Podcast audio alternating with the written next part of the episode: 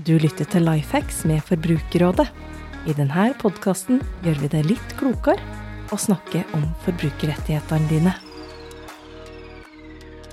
70 år på lag med forbrukerne kan vi skryte av. Forbrukerrådet har altså kjempet for forbrukerrettigheter og for å opplyse om disse i et par generasjoner. I denne episoden av Lifehacks tar vi pulsen på oss selv og gir deg et innblikk i en spennende historie. Velkommen hit, Inger-Lise Blyverket, direktøren vår. Takk. Jarle Oppedal, leder for Innsikt og læring. Takk. Og ikke minst en eh, rutinert ringrev i Forbrukerrådets uh, nyere historie.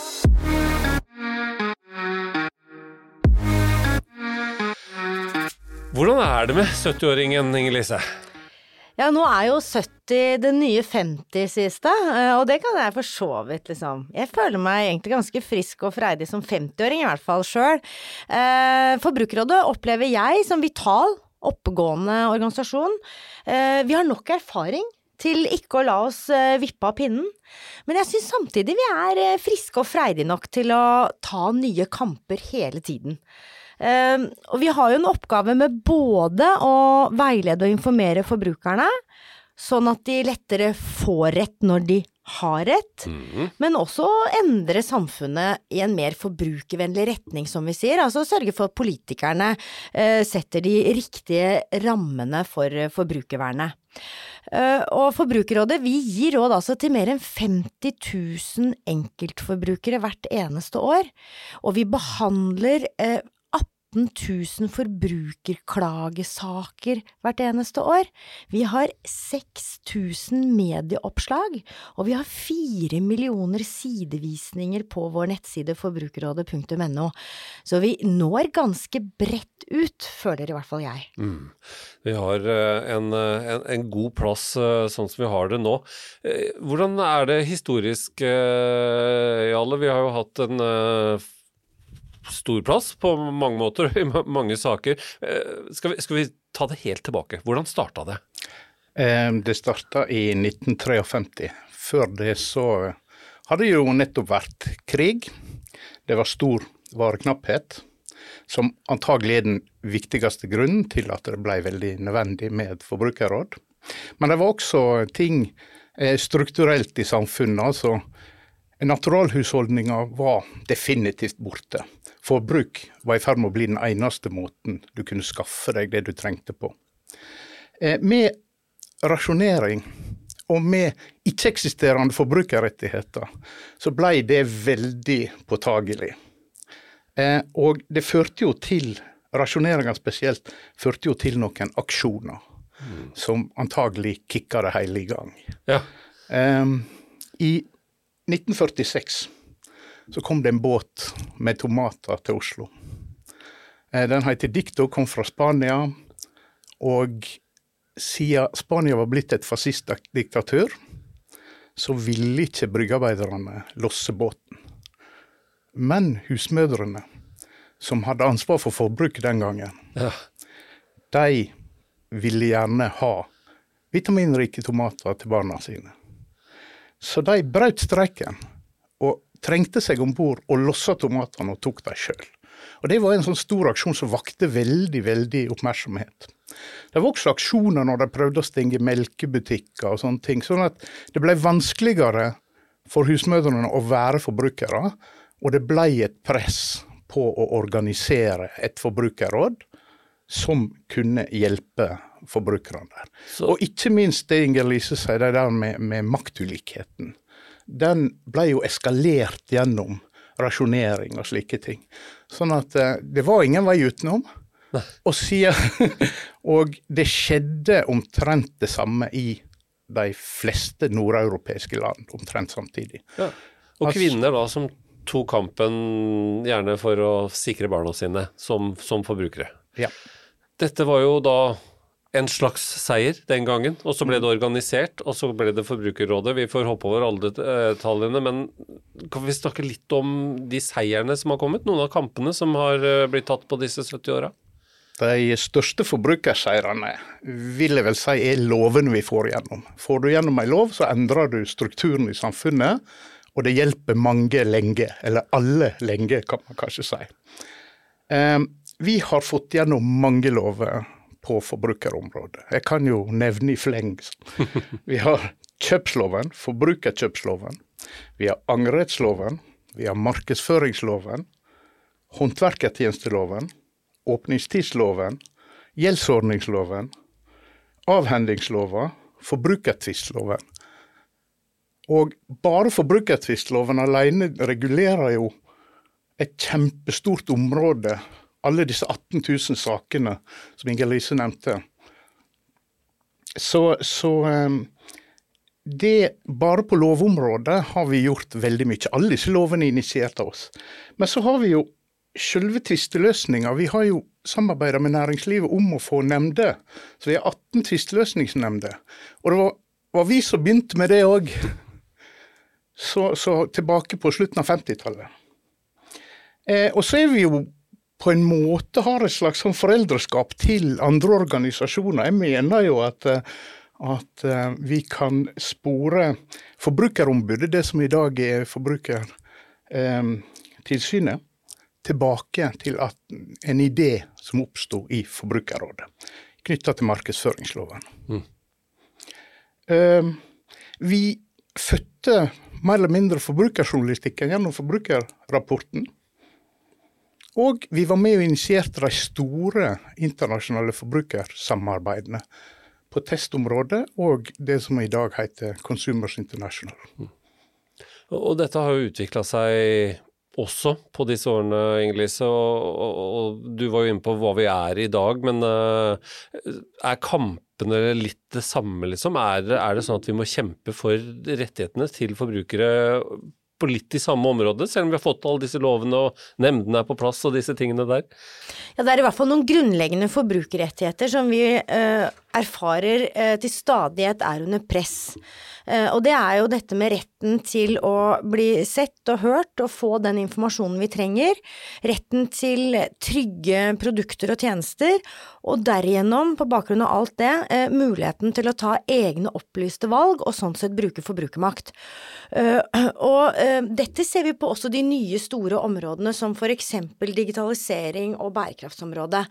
Også der opplever vi eh, at disse rettighetene settes under eh, press. Det er veldig mange forbrukere som eksempelvis ønsker å ta bærekraftige valg, men de opplever eh, at de blir villedet gjennom grønnvasking eller, eller grønne uforpliktende påstander, eksempelvis. Eller at de har dårligere rettigheter som forbruker hvis de leier, leaser, abonnerer, kjøper brukt, versus det å, å kjøpe nytt. Så på område etter område så ser vi jo at selv om samfunnet endrer seg, teknologien utvikler seg, så er det mange av de samme forbrukerrettighetene som likevel uh, står på spill. Uh, og den grunnleggende maktulikheten da, mellom næringsdrivende på den ene siden og oss enkeltforbrukere på den andre siden, uh, det er nok en maktulikhet som alltid vil være der, og hvor Forbrukerrådet har en ekstremt viktig rolle. Akkurat nå, for eksempel, så prøver vi jo å endre husleieloven, sånn at de som har behov for lengre leiekontrakter, eh, skal få et bedre vern. Eller vi har jo nylig fått laget eh, rapporter som avdekker at selskaper i en lang rekke bransjer tar seg ulovlig godt betalt for å utstede fakturaer. Egentlig helt enkle, grunnleggende spørsmål, men hvor vi ser at forbrukere lett lures. Uh, og for vår del så tenker jeg at framover så skal vi egentlig bare være enda mer av det vi allerede er. Det er egentlig min ambisjon. Uh, å fortsette å utjevne det maktforholdet mellom næringsdrivende og oss forbrukere. Uh, vi min ambisjon, da, det er jo at Forbrukerrådet skal prege samfunnsdebatten på alle de viktigste områdene for forbrukerne. Vi skal avdekke lureri, ganske enkelt, og dårlige vilkår, eh, og sørge for at eh, forbrukerne utnytter makten sin på en enda bedre måte. Og det blir kanskje ekstra viktig nå eh, og noen år fremover, når vi opplever at stadig flere av oss får stadig mindre penger å rutte med. Da blir vi ekstra sårbare som forbrukere, eh, og det blir helt avgjørende at vi for eksempel har et sterkt forbrukerråde som klarer å og gi forbrukerne de redskapene de trenger, sånn at de får rettighetene sine ivaretatt. Mm. Eh, og det siste er jo kanskje viktig for hva Forbrukerrådet skal være mot 75 år, da, som er liksom din nye åremålsperiode, for du har jo gått løs på en ny periode etter fem år.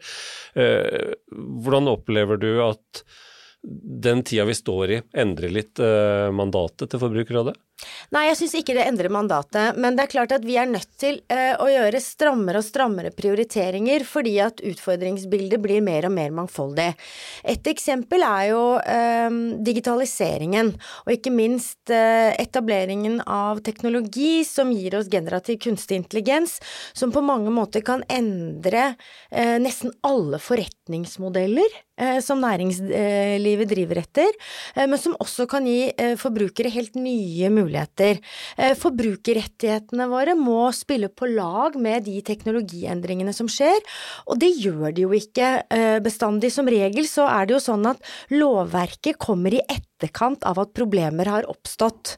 Eh, og som Jarlei var inne på, så har jo Forbrukerrådet gått i bresjen og bidratt til at vi har fått veldig mye bra lovverk i Norge, egentlig. Det som vi kaller teknologinøytral lovgivning, som egentlig gjør oss ganske robuste eh, i møte med store eh, endringer. Men vi ser også at det er et etterslep. Og eh, det jeg erfarer, er i hvert fall at vi er nødt til å ha blikket vendt utover.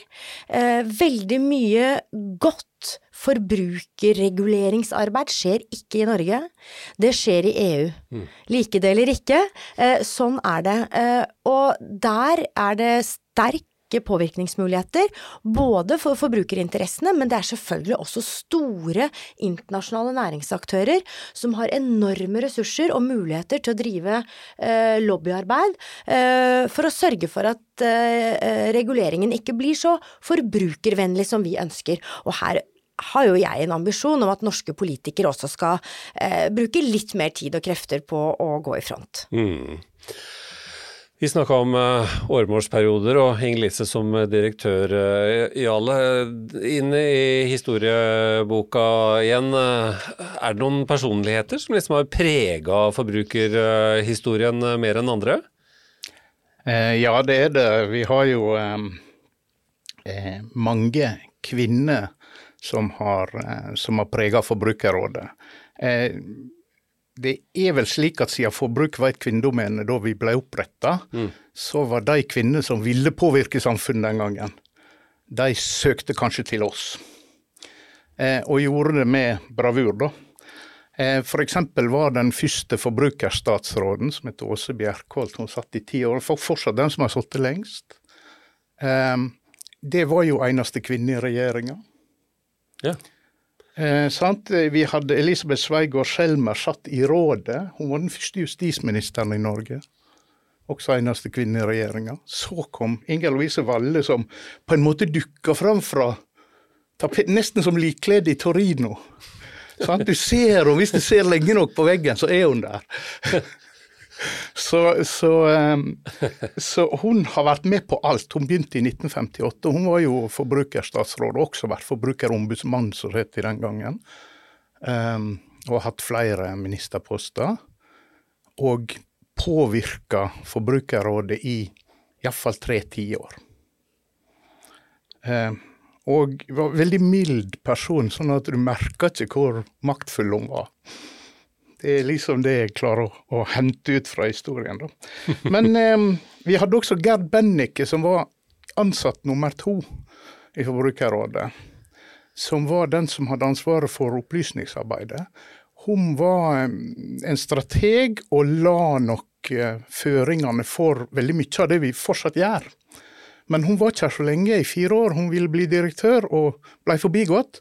Som var en stor sak omtalt i alle avisene, og, sånt, og var oppe i Stortinget til og med. Så, så, det var ganske alvorlig. Eh, så det har vært noen. Det har vært eh, noen og Ja. sterke kvinnelige personligheter. Ja, og det er fortsatt det. Ja, det er fortsatt det. Får vi også kunne slå fast. Eh, Det har vært mye snakk om politikken eh, som skal endres, og kampen for eh, rettigheter sånn på papiret. Men noe av det som mange forbinder med Forbrukerrådet og, og, og historien, er jo testene, Jarle. Og du har vært med på en del, og du kjenner historien godt. Hvordan har testene stått, og hvorfor ble de så viktige? Ja, man ville jo påvirke produsentene. Og man hadde to strategier for det. Eh, Det ene var å prøve å påvirke bransjen innenfra gjennom å være med på produktutvikling. Eh, Da ville man lage, for man kalte det folkekjøleskapet. Som skulle være et, et eh, kjøleskap uten sånn dill og dall og ekstra ting og sånt. Det skulle være solid, enkelt og godt. Det man fikk laga på den måten, det var ei vaskemaskin og en sånn parkdress for barn. Eh, men folk ville ha litt dill og dall på produktene, så det ble ikke kjøpt. Det var, altså, det var en dårlig strategi, og det skjønte man relativt fort, så man slutta å gå den veien. Og offisielt så ble det prosjektet nedlagt i 71. Da hadde jo holdt på i nesten 20 år, da. Men, men eh, så hadde man testa parallelt. Og det var egentlig å, en slags utenfra-tilnærming. Ja. Sånn, Vi tar produktet for det det er, og ser bare på det. Vi snakker ikke med produsenten, vi, vi, vi tar produktet til face value, da. Eh, med et, et forbrukerperspektiv. Som ikke alltid bransjen har. Da. Og det skapte mye gnisninger. Vi hadde mange tester til å begynne med som har vært skjellsettende. Og en av de skapte jo Vi ble jo saksøkt og gikk i tre instanser til Høyesterett. Og i 62 så fikk vi lov til å drive denne type informasjon, slo Høyesterett fast. da. Eh, fordi vi hadde sagt noe om en plastsitron, den gule. Eh, at den kunne vi lage sjøl hjemme. Og vi undersøkte og gjorde det, og viste at det gikk an. Og importøren syntes det var galt, og han tapte penger. Og gikk til sak. Og Høyesterett sa at eh, Forbrukerrådet er ikke en myndighet. De er her for å opplyse. Alt som er sant, kan de si. Og det har jo hjulpet oss da. Og, og, det har jo også ført til en mengde tester av eh, ting som folk har vært opptatt av, og, og folk har tydd til, til Forbrukerrådets tester for å for å finne fram i landskapet av produkter. Det er god folkeopplysning. Testene benchmarker hverandre. Eh, det gir oss mulighet til å, å en slags definisjonsmakt ved å sette kriterier på vegne av forbrukeren, sånn at eh, de er et, et veldig godt verktøy for å, å gi folk opplysning og utvikle produktene. Altså det er sånn, eh, Når vi skjerper kriteriene, så skjerper produsentene seg også. I, I dag så er vi mest opptatt av bærekraftperspektivet når det kommer til tester, Inger-Lise. Det var et ønske om å ta tilbake testing eh, for Forbrukerrådet etter eh, noen år eh, uten. Hvorfor ble det sånn, og, og hva var bakgrunnen for at det er bærekraft som nå styrer hva, hva, hva vi tester og hvordan? Ja, Det er nok grunnleggende sett fordi at uh, norske forbrukere sier i undersøkelser som vi gjør, men også andre har gjort, at de ønsker å um, få et mer uh, miljøvennlig forbruk, men at de opplever at det er vanskelig å vite hva som er det rette. Og det er klart at Forbrukerrådet prøver å veilede uh, forbrukere i mange retninger, også knyttet til det å gjøre noe annet enn å kjøpe nytt. Men det er noen ganger vi må kjøpe nytt, og da ser vi at det er et behov for å eh, gi forbrukere hjelp til å se hva som er det mest miljøvennlige valget i de sam sammenhengene. Eh, og det som jo er veldig interessant, det er at vi samarbeider jo internasjonalt. Eh, sånn at vi kan gjøre det som egentlig er svært dyre og ressurskrevende eh, laboratorietester tilgjengelig også for norske forbrukere. Eh, sånn at det er veldig, veldig høy kvalitet, og noe helt annet enn veldig mange andre typer tester som vi forbrukere møter når vi eh, går inn på, på ulike nettaviser osv. Eh, og det vi eh, tester, da, det er Vi sjekker selvfølgelig kvalitet. For noe som eh, har lav kvalitet i seg selv, går jo i søpla, og det er jo det minst miljøvennlige man kan tenke seg. Eller at eh, vi sjekker også for funksjon. Altså hvis du skal kjøpe en drill, så må den jo være bra egnet til å drille, eller så egner den seg jo heller ikke og vil eh, ikke bli brukt, og dermed vil det være svært miljøskadelig. Men holdbarheten, selvfølgelig. Hvor lenge holder dette produktet med normal bruk? Eh, Hvor lett er det å reparere det? Er det reservedeler tilgjengelig til dette produktet? Inneholder det skadelige kjemiske stoffer? Eh, Hvor mye energi bruker produktene? Dette er veldig viktige indikatorer eh, som det er umulig for oss forbrukere å kunne se med det blotte øyet eller lese oss fram til på baksiden av esken. Eh, Og da er det at vi eh, kan gjøre en jobb for forbrukerne. Og dyrest er jo slett ikke alltid best heller. Vi tester jo på en måte Vi tester jo ikke på pris, men det vi har erfart, det er jo at flere eksempler på at billigste test også er det mest miljøvennlig. Eh, og dette testsenteret har vi tenkt å videreutvikle, se i sammenheng med andre typer hjelpemidler også, sånn at flere kan oppleve at de kan ta miljøvennlige valg. Eh, og eh, det er klart at dette testsenteret må også ses i sammenheng med andre typer tjenester som Forbrukerrådet har. Vi har jo ikke snakket om strømprisportalen og finansportalen, eh, men det er jo store datadrevne tjenester som sammenligner pris, og som gjør det enklere for forbrukere å orientere seg i de markedene og å ta en aktiv rolle overfor banker eller strømselskaper eller forsikringsselskaper eller hva det nå det måtte være, eh, og eh, be om å få den beste prisen, prute og også være i stand til å bytte. Og det er jo en veldig effektiv måte å utøve forbruker, forbrukermakt på. Og veldig konkret. Hvor, hvor viktig er det tilbudet for, eh, for at Forbrukerrådet kan slå seg på brystet og si at vi gir ordentlig forbrukerråd hver dag? Ja, det er jo sånn at det, det, det treffer veldig mange samtidig.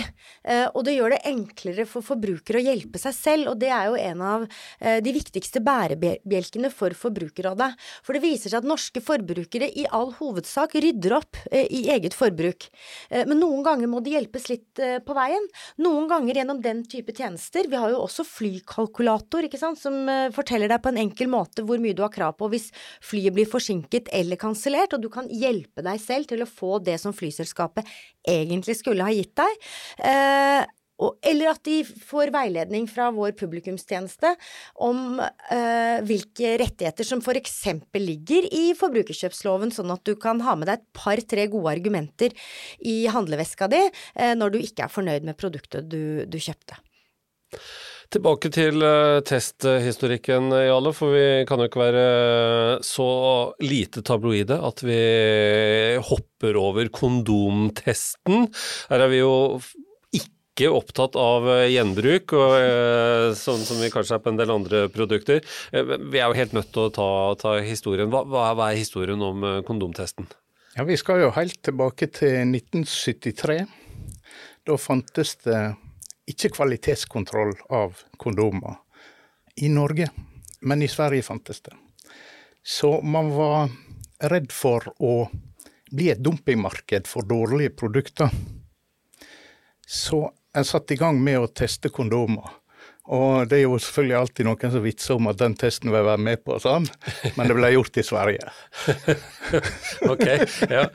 Så, så, eh, men man testa altså 23 merker med kondomer. 16 av dem ble underkjent, altså de virka ikke til hensikten. Mm -hmm. Og um, Helsedirektoratet innførte kvalitetskontroll omtrent øyeblikkelig etterpå. Altså samme år som den var, var publisert.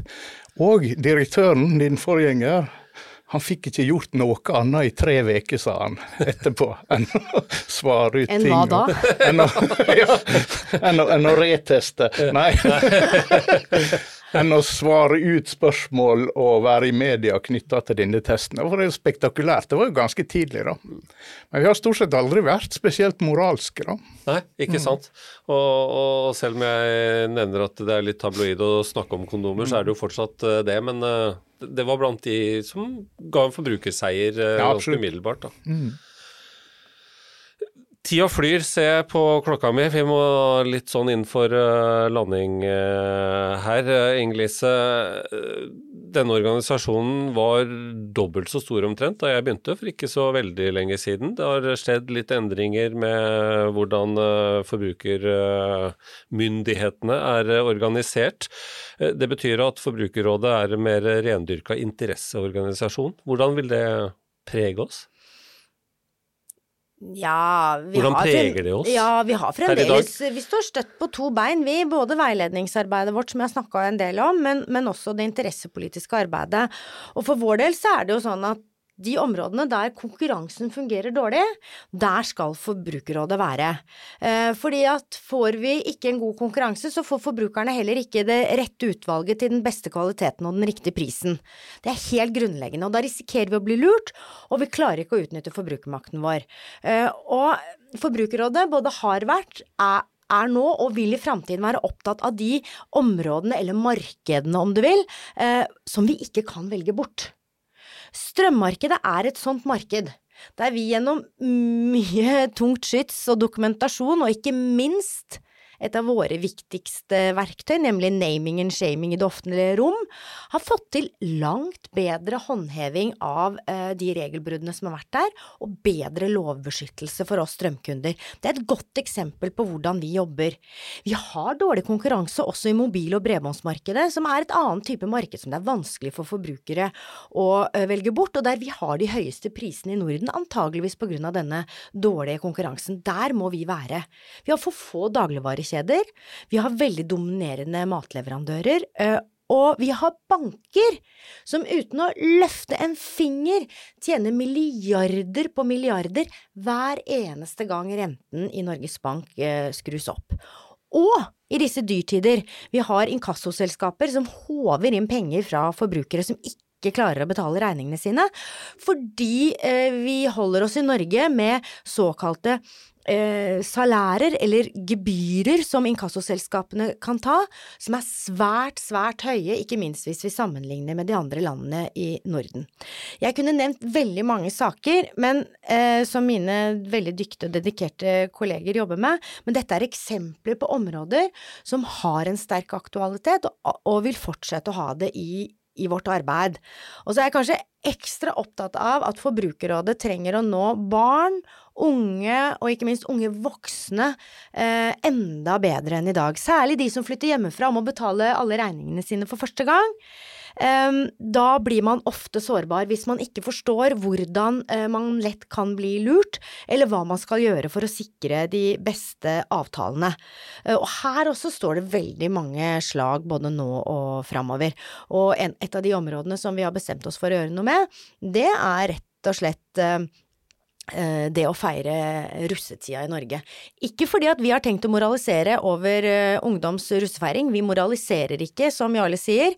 Eh, Vi skal bare hjelpe folk til å ta gode, opplyste valg. Men det er ikke noen tvil om at dette er et marked hvor eh, det jeg vil eh, kalle rimelig useriøse aktører, har fått lov til å boltre seg fritt med 17- og 18-åringer. Masse å ta tak i for en eh, vital 70-åring. Jeg skulle gjerne laga dobbeltepisode av dette. Vi får heller se når vi nærmer oss 75-årsjubileum om vi kan eh, lage en episode til, eller kanskje to. Tusen takk for at dere var med og fortalte om Forbrukerrådet nå og da. Jarle Oppedal og Ingrid Sigrid Takk for at du hører på Lifehacks. Du får nye episoder fra oss annenhver uke. Abonner gjerne, så får du nye episoder der du liker å høre dem. Hvis du vil komme i kontakt med oss for ris og ros, eller vil dele din beste lifehack, send oss en e-post på lifehacks at forbrukerradet.no. For andre forbrukerhenvendelser er det de vanlige kanalene som gjelder. Du når våre forbrukerveiledere via kontaktinformasjon du finner på forbrukerrådet.no.